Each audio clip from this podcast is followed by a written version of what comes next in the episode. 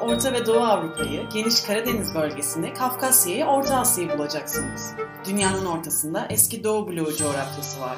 Dünyanın Ortası podcastlerini dünyaninnortası.net adresinden ve podcast kanallarından takip edebilirsiniz.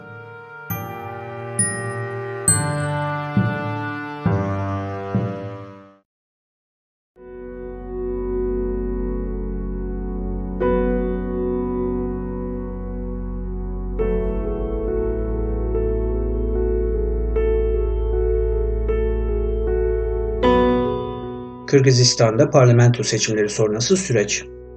Yeni bir devrim olmayan devrim mi? Merhaba, Dünyanın Ortasına hoş geldiniz. Ben Turgut Tuncel.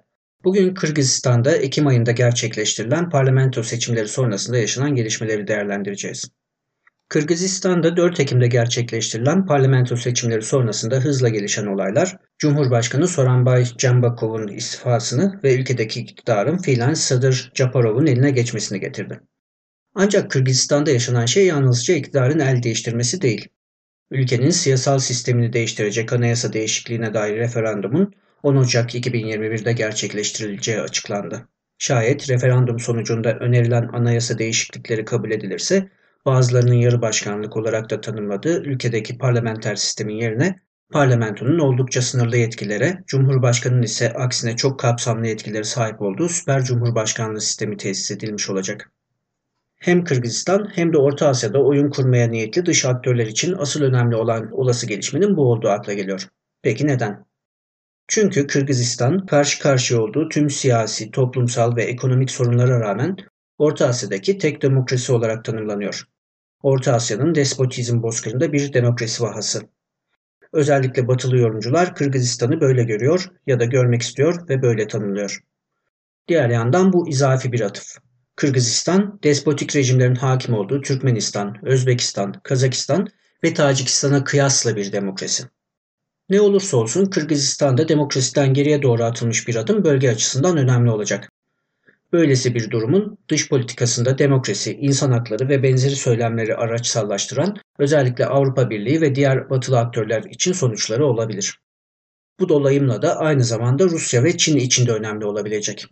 Tabii ki Kırgızistan'daki yeni iktidarın ülkede istikrarı sağlayıp sağlayamaması ve dış politikadaki tercihleri de önem arz edecek.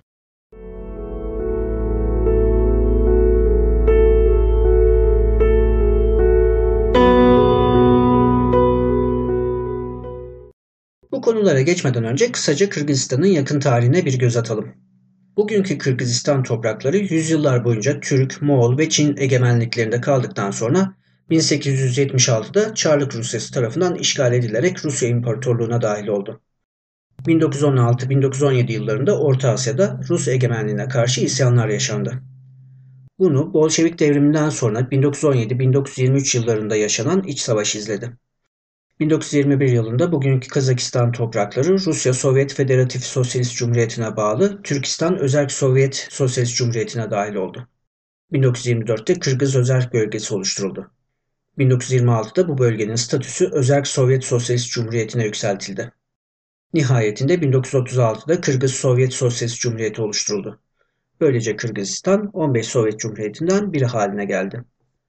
1990'da reform yanlısı Askar Akayev Cumhurbaşkanı seçildi. Akayev 1991'de Moskova'daki muhafazakar unsurların Gorbaçov karşıtı darbe girişimi esnasında Boris Yeltsin'in yanında darbeye karşı tutum aldı. Bu yılın sonunda Sovyetler Birliği'nin dağılmasıyla Kırgızistan bağımsızlığını kazandı. Bağımsız Devletler Topluluğu'na üye oldu. 1992'de ise Birleşmiş Milletler ve AGİT'e kabul edildi.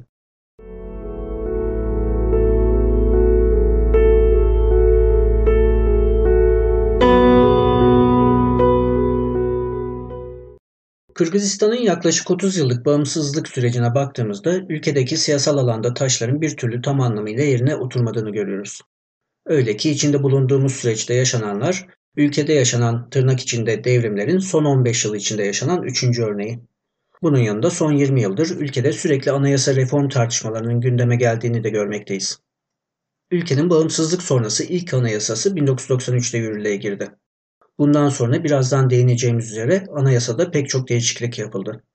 Bunlardan ilki 1995'teki seçimlerde Akayev'in yeniden %70 oyla Cumhurbaşkanı seçilmesinden sonra 1996'da Cumhurbaşkanının yetkilerini artırırken yasamanın yetkilerini kısan anayasa değişiklikleri oldu. 2000 yılında Akayev yeniden Cumhurbaşkanı seçildi. Uluslararası gözlemciler bu seçimlerde usulsüzlüklerin yaşandığını iddia etti. Bundan sonra ülkede çalkantılı bir dönem başladı. 2003'te anayasa bir kez daha değiştirildi. Cumhurbaşkanının yetkileri daha çok arttırıldı. Bu arada ülkedeki siyasi huzursuzluk tırmanmaya devam etti.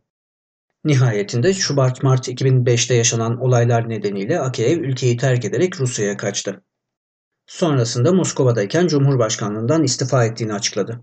Akayev'in iktidardan düştüğü süreç literatürde Sovyet sonrası coğrafyadaki renkli devrimlerin bir örneği olarak nitelendiriliyor ve Lale Devrimi adıyla anılıyor. Atayev'in yerine Temmuz ayında muhalif siyasetçi Kurmanbek Bakiyev iktidara geldi. Ancak bundan sonra da ülkede siyasi istikrar bir türlü sağlanamadı. 2006 Kasım'ında Cumhurbaşkanı'nın yetkilerini kısıtlayan yeni bir anayasa hazırlandı.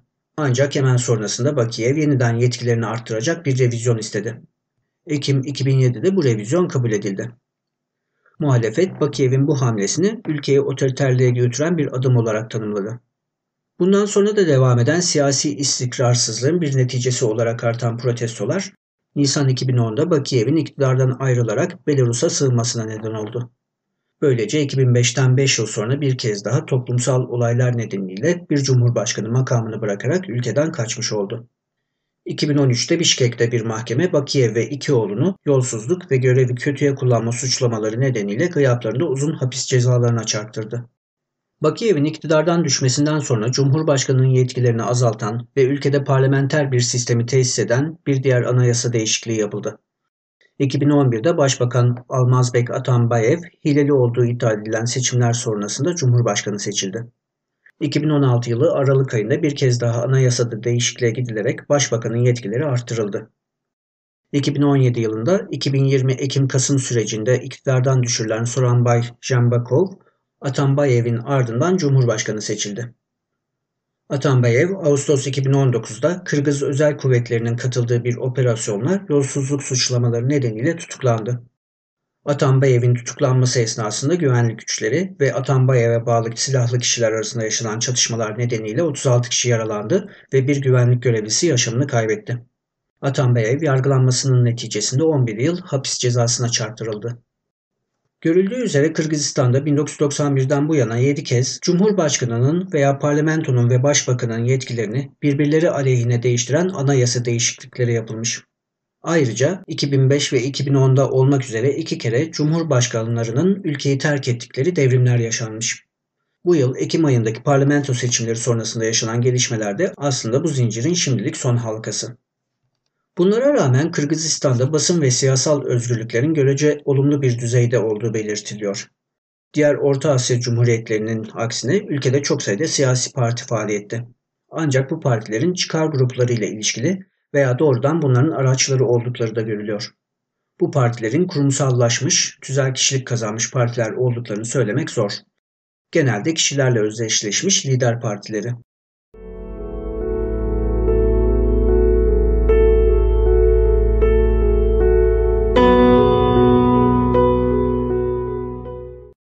Siyasal alandan ekonomik ve toplumsal alana geçersek ülke ekonomisinin ve ekonomik altyapısının hiç de arzu edilen düzeyde olmadığını belirtmek gerekiyor. Kırgızistan bölgenin en fakir ülkelerinden. 2018 yılı verilerine göre gayri safi yurt içi hasıla açısından 196 ülke arasında 145. sırada bulunuyor. İhracat ve ithalat dengesi ekside.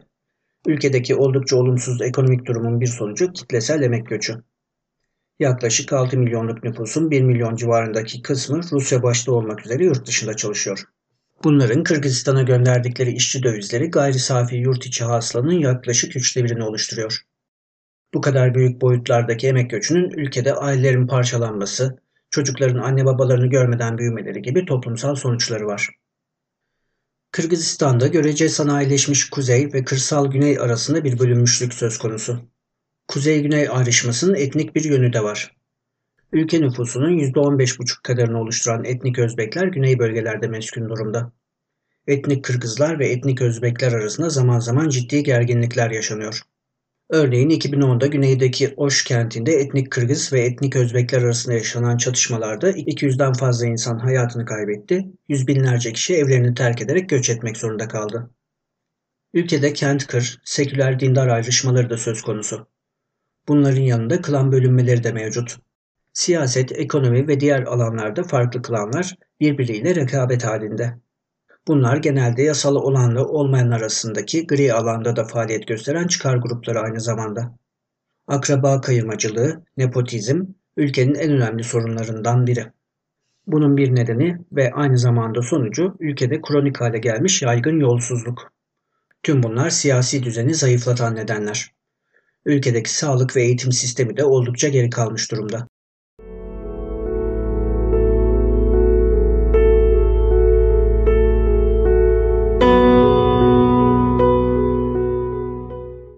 Ülkedeki genel durumu özetledikten sonra Ekim ayından bu yana Kırgızistan'da neler oluyor biraz buna bakalım.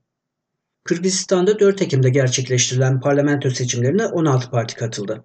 Oy kullanma oranının %56,5 olarak kaydedildiği seçimler sonucunda 3'ü hükümet yanlısı, biri muhalif kanatta yer alan 4 parti %7 seçim barajını aşarak parlamentoya girdi. Böylece 120 sandalyeli parlamentonun 107 sandalyesi hükümet yanlısı Birimdik, Birlik, Mekenim Kırgızistan, Mekanım Yurdum Kırgızistan ve Kırgızistan partilerinin 13'ü muhalefet kanalında yer alan bütün Kırgızistan Partisi'nin oldu. Geriye kalan 12 partinin %7'lik seçim barajını aşamayarak parlamento dışında kalması neticesinde bu partilere oy vermiş olan toplam seçmenin %32'lik bir bölümü parlamentoda temsil edilme şansına ulaşamadı. Aslında seçimlerde büyük çaplı oy satın almaların yaşandığını iddia eden muhalefet henüz seçim sonuçları açıklanmadan bunları tanımayacağını açıklamıştı. Nitekim sonuçlar açıklandıktan hemen sonra seçimlerin iptalini talep eden göstericiler sokak ve meydanları doldurdu. Bundan sonra ise olaylar çok hızlı bir şekilde gelişmeye başladı. 6 Ekim günü protestocular Cumhurbaşkanlığı konutu, istihbarat servisi binası, devlet televizyonu gibi bazı önemli yerleri işgal etti. İçlerinde eski Cumhurbaşkanı Atambayev ve seçim sonrasındaki sürecin esas aktörü haline gelecek olan ve bu nedenle adını sıkça anacağımız Sadır Japarov'un da olduğu bazı tutuklu ve hükümlüleri serbest bıraktılar. Parlamento sözcüsü, başbakan, bazı bakanlar ve Bişkek valisi gibi önemli mevkilerdeki bazı kişiler görevlerinden istifa ettiler. Bu esnada bazı kritik mevkilere yeni kişilerin atandıkları duyurulmaya başlandı. Ancak bunlar yasal süreç veya teamüller hayatı geçirilerek değil, makamlara fiilen el koyma şeklinde gerçekleşti. Cumhurbaşkanı Can Bekov bilinmeyen bir yerde saklanmaya başladı. Aynı gün seçimlerin iptal edildiği açıklandı. Böylece iki gün gibi kısa bir sürede iktidarın düştüğü ve muhalefetin iktidara fiilen el koyduğu bir aşama geçilmiş oldu.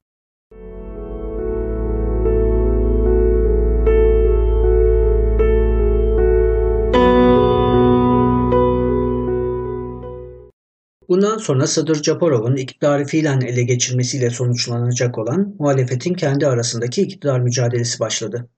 2017'den bu yana 2013'te Karakol kentinin yöneticisini kaçırmak suçuyla 11,5 yıllık cezasını çekmekte olduğu hapishaneden göstericiler tarafından salıverilen Sadır Japarov, ertesi gün yani 7 Ekim'de kendini başbakan ilan etti.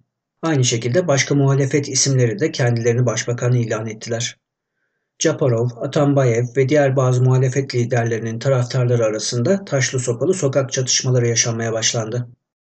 9 Ekim'de nerede olduğu bilinmeyen Cumhurbaşkanı Can Bekov olağanüstü hal ilan etti ve olaylar durulunca istifa edeceğini açıkladı. 10 Ekim'de bir kısım milletvekili Japarov'u 6 Ekim'de istifa eden Başbakan Kubatbek Borono'nun yerine başbakan ilan etti. Ancak bu karar 120 sandalyeli parlamentoda gerekli olan 61 oyla değil 50 oyla alındı. Aynı gün 6 Ekim'de Japarov'la birlikte hapisten salı verilmiş olan eski Cumhurbaşkanı Atambayev, yaşanan çatışmalardan sorumlu olduğu gerekçesiyle yeniden tutuklandı. Böylece Japarov en önemli rakiplerinden birini tasfiye etmiş oldu. Taviz vererek ülkedeki karmaşayı sonlandırabileceğini uman Cumhurbaşkanı Jan Bekov, 14 Ekim'de Japarov'un başbakanlığını onayladı. Bir gün sonra ise daha önce ülkedeki olaylar durulduğunda, sonra yeni parlamento ve cumhurbaşkanlığı seçimleri ilan edildiğinde istifa edeceğini söylemiş olmasına rağmen anlaşılan başka çaresi kalmadığı için cumhurbaşkanlığından istifa etti. Böylece 16 Ekim günü Japarov başbakanlığın yanında cumhurbaşkanı vekili de oldu. Bu esnada Japarov fiili iktidarını güçlendirmeye yönelik olarak kabine, istihbarat, güvenlik, gümrük ve savcılıkta bazı atamalar yapmaya başladı. Ülkede rakip siyasetçilerle bağlantılı kişiler özellikle yolsuzluk suçlamalarıyla tutuklanmaya başlandı.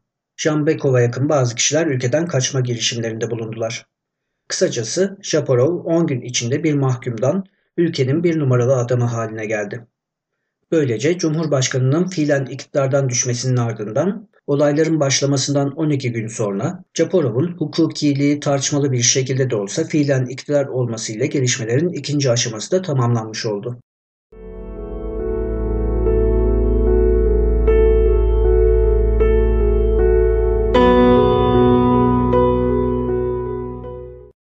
Bundan sonra halen içinde bulunduğumuz üçüncü aşama başladı. 19 Ekim'de Japarov Cumhurbaşkanlığına aday olma niyetini açıkladı.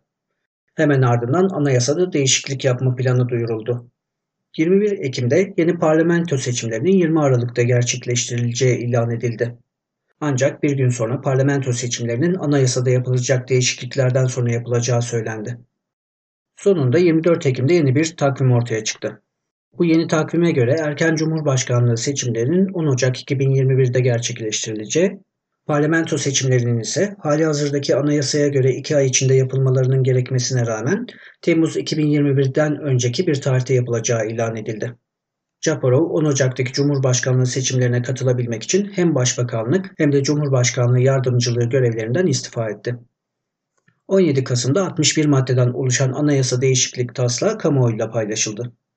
Bu taslak incelendiğinde önerilen değişikliklerin parlamentonun yetkilerini sınırlandırırken Cumhurbaşkanı'nın yetkilerini arttırmaya yönelik olduğu görülüyor.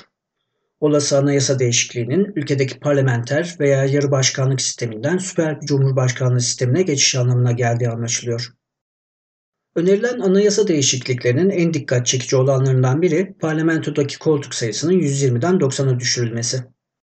Parlamentonun elinde olan yürütme erkinin Cumhurbaşkanlığına verilmesi de bir diğer dikkati çeken değişiklik. Bunların yanında Halk Kurultayı adı altında yeni bir yürütme organının oluşturulması ve parlamento ve hükümetin bu organa karşı sorumlu olması da öngörülmekte. Aslında Halk Kurultayı hakkındaki öneri anayasadaki değişiklik önerilerinin en tartışmalı olanlarından. Halk Kurultayı'nın oluşturulmasıyla parlamentonun elindeki tüm yetkilerin alınacağı söyleniyor. Bunun yanında halkın temsilcisi olan parlamento üzerinde bir organ oluşturulmasının nasıl bir açıklaması olduğu da sorgulanan hususlardan. Değişiklikler arasındaki bir başka önemli madde de Cumhurbaşkanı'nın görev süresiyle ilgili. Hali hazırdaki anayasaya göre bir kişi ancak bir dönem Cumhurbaşkanlığı koltuğunda oturabiliyor. Önerilen değişiklikle Cumhurbaşkanı'nın iki dönem görevde kalmasının yolunun açıldığı söyleniyor. Ancak anayasa değişiklik taslağının Kırgızca ve Rusça metinlerindeki farklı ifadeler nedeniyle bu konuda bir belirsizlik söz konusu.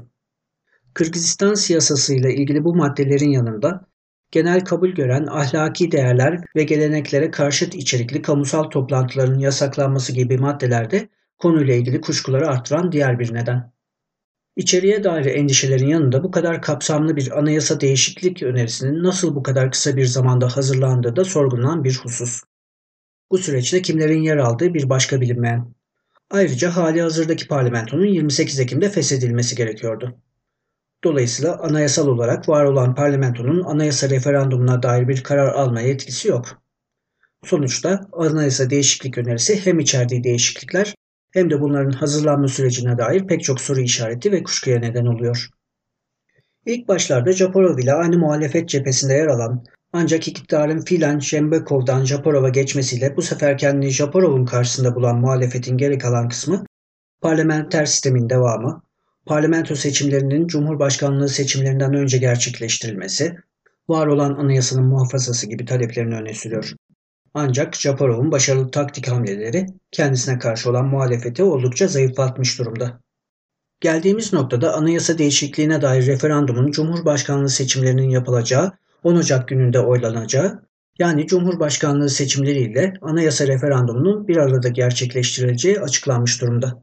Japarov 24 Kasım'da Cumhurbaşkanlığı seçimine katılabilmek için Başbakanlık ve Cumhurbaşkanlığı yardımcılığı görevlerinden istifa etti. Yerine kendine yakın isimler geldiler. Şayet 10 Ocak 2021'deki Cumhurbaşkanlığı ve anayasa referandumunda Japarov'un istedikleri gerçekleşirse Kırgızistan'da Japarov iktidarı ve süper cumhurbaşkanlığı dönemi açılacak. Böylece ülkede 2005 ve 2010'dan sonra 3.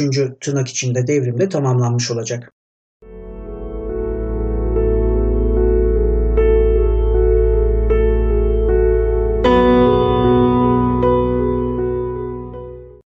Kırgızistan'da yaşanan gelişmelerle ilgili merak uyandıracak bir husus dış aktörlerin nasıl tepkiler verdikleri olabilir. Ancak buna geçmeden önce Kırgızistan'ın dış politikasına dair bazı şeyleri hatırlatmak yerinde olabilir. Kırgızistan, Rusya'nın başını çektiği ve NATO benzeri askeri bir örgüt olan Kolektif Savunma Anlaşması örgütünün bir üyesi. Kırgızistan'da 2003 yılında 2 yıl önce Manas'ta açılan ABD askeri üssünün bulunduğu yere yakın bir yer olan Kant kentinde bir Rus hava üssü açıldı. Böylece Kırgızistan bir ABD bir de Rus askeri üssü olan bir ülke haline geldi. Ancak 2006'da dönemin Cumhurbaşkanı Bakiyev Amerikalıların kira bedelini arttırmamaları halinde üssün kapatılacağını açıkladı. Ocak 2009'da ise Rusya Kırgızistan'a 2 milyar dolar hibe ve başka yardımlar önerdikten sonra Bakiyev bir kez daha ülkedeki ABD hava üssünün kapatılacağını söyledi. ABD kira bedelini 3 katına çıkartacağını açıkladıktan sonra üssün faaliyete devam etmesine karar verildi. 2014'te Atambayev, Rusya Devlet Başkanı Putin'e 2014'te süresi dolduktan sonra ABD hava üssünün süresinin uzatılmayacağını bildirdi. Nihayetinde Haziran ayında bu üs kapatıldı. Kırgızistan, Temmuz 2015'te ABD Dışişleri Bakanlığı'nın ülkedeki etnik Özbek azınlığa mensup Azimcan Askarov adlı bir aktiviste insan hakları ödülü vermesi nedeniyle ABD ile işbirliği anlaşmasından ayrıldığını açıkladı. Kırgızistan aynı zamanda başını yine Rusya'nın çektiği ve Avrupa Birliği'ne alternatif bir birlik olarak tasarlanan Avrasya Ekonomik Birliği'nin de üyesi. Dış ticaretinin büyük çoğunluğunu Rusya, Çin ve Asya ülkeleriyle gerçekleştiriyor. Kırgızistan'ın son yıllarda iyice Rusya eksenine doğru kaydığı konusunda endişeler söz konusu. Bu durumu ülkenin bağımsızlığına bir tehdit olarak gören muhalefetteki milliyetçi partiler Cumhurbaşkanı Canbekov'u bu konuda da eleştiriyorlardı. Dikkat çekici bir şekilde Kırgızistan'da olaylar başlayınca Avrupa Birliği, ABD ve Rusya protestoculara karşı Cumhurbaşkanı Canbekov'u destekleyen açıklamalar yaptılar. Çin ise daha ziyade sessiz kaldı. Bu noktada AB ve ABD'nin ülkenin kaos ortamına sürüklenmesinden endişe ettikleri görüldü. Bunun yanında ülkedeki olaylara dair en sert tepki Rusya'dan geldi. 8 Ekim'de Rusya Devlet Başkanı Vladimir Putin'in sözcüsü Dimitri Peşkov, ülkenin kaosa sürüklenmesinin engellenmesi için Rus istihbaratının Kırgız istihbaratı ile ortak çalışacağını açıkladı. 12 Ekim'de ise Rusya tam anlamıyla sahneye çıktı. Putin'e yakın isimlerden olan Dimitri Kozak, Kırgızistan'a gelerek Canbekov ve Japorov ile ayrı ayrı görüştü. Kırgızistan'da parlamento seçimlerinin anayasada yapılacak değişikliklerden sonra yapılacağı açıklandıktan sonra 22 Ekim'de Putin ülkede yaşananları felaket ve darbe olarak niteledi. Bundan sonra Kırgızistan'daki defakto yetkililer ülkenin Rusya ile ilişkilerinde değişiklik olmayacağına dair açıklamalar yaptılar. 22-24 Ekim tarihlerinde Kırgızistan'ın yeni Dışişleri Bakanı Moskova'ya geldi ancak burada Rusya yetkililer tarafından oldukça soğuk karşılandı. Rusya Kırgızistan'a sağladığı bazı hibe ve yardımların ülkede istikrar sağlanana kadar askıya alınacağını açıkladı.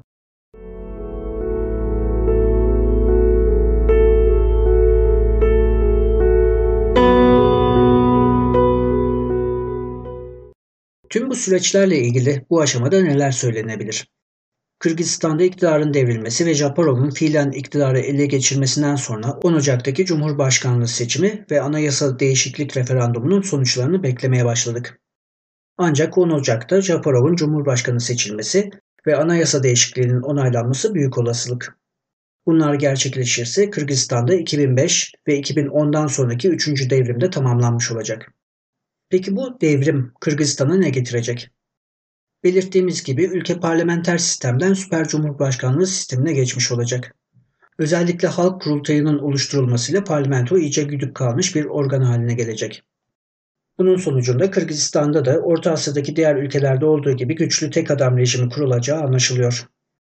Böylesi bir gelişmenin ülkedeki demokrasiye pek de olumlu yansımaları olmayacağı da akla geliyor. Bunun yanında anayasaya sokulmak istenen genel kabul gören ahlak kuralları ve gelenekler gibi ifadelerin totaliter imaları olduğu da açık.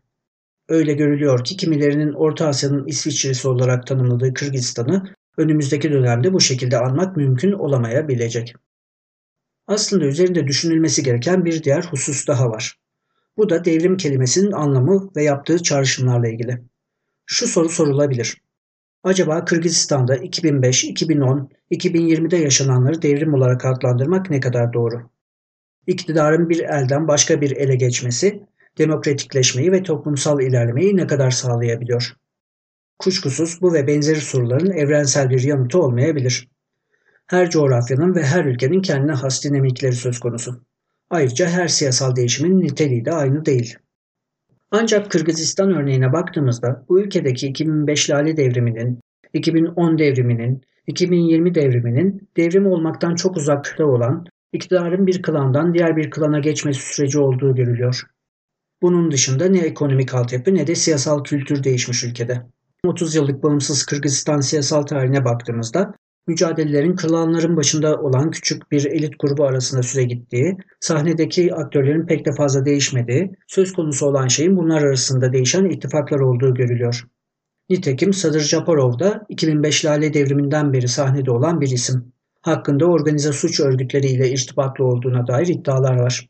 Ayrıca Japarov ile Jembekov arasında bazı ilişkiler olduğuna dair iddialar da söz konusu. Japarov'un ülkede iktidarı ele geçirmesinde sokaktaki gücünün önemli bir etken olduğunu da hatırlatalım.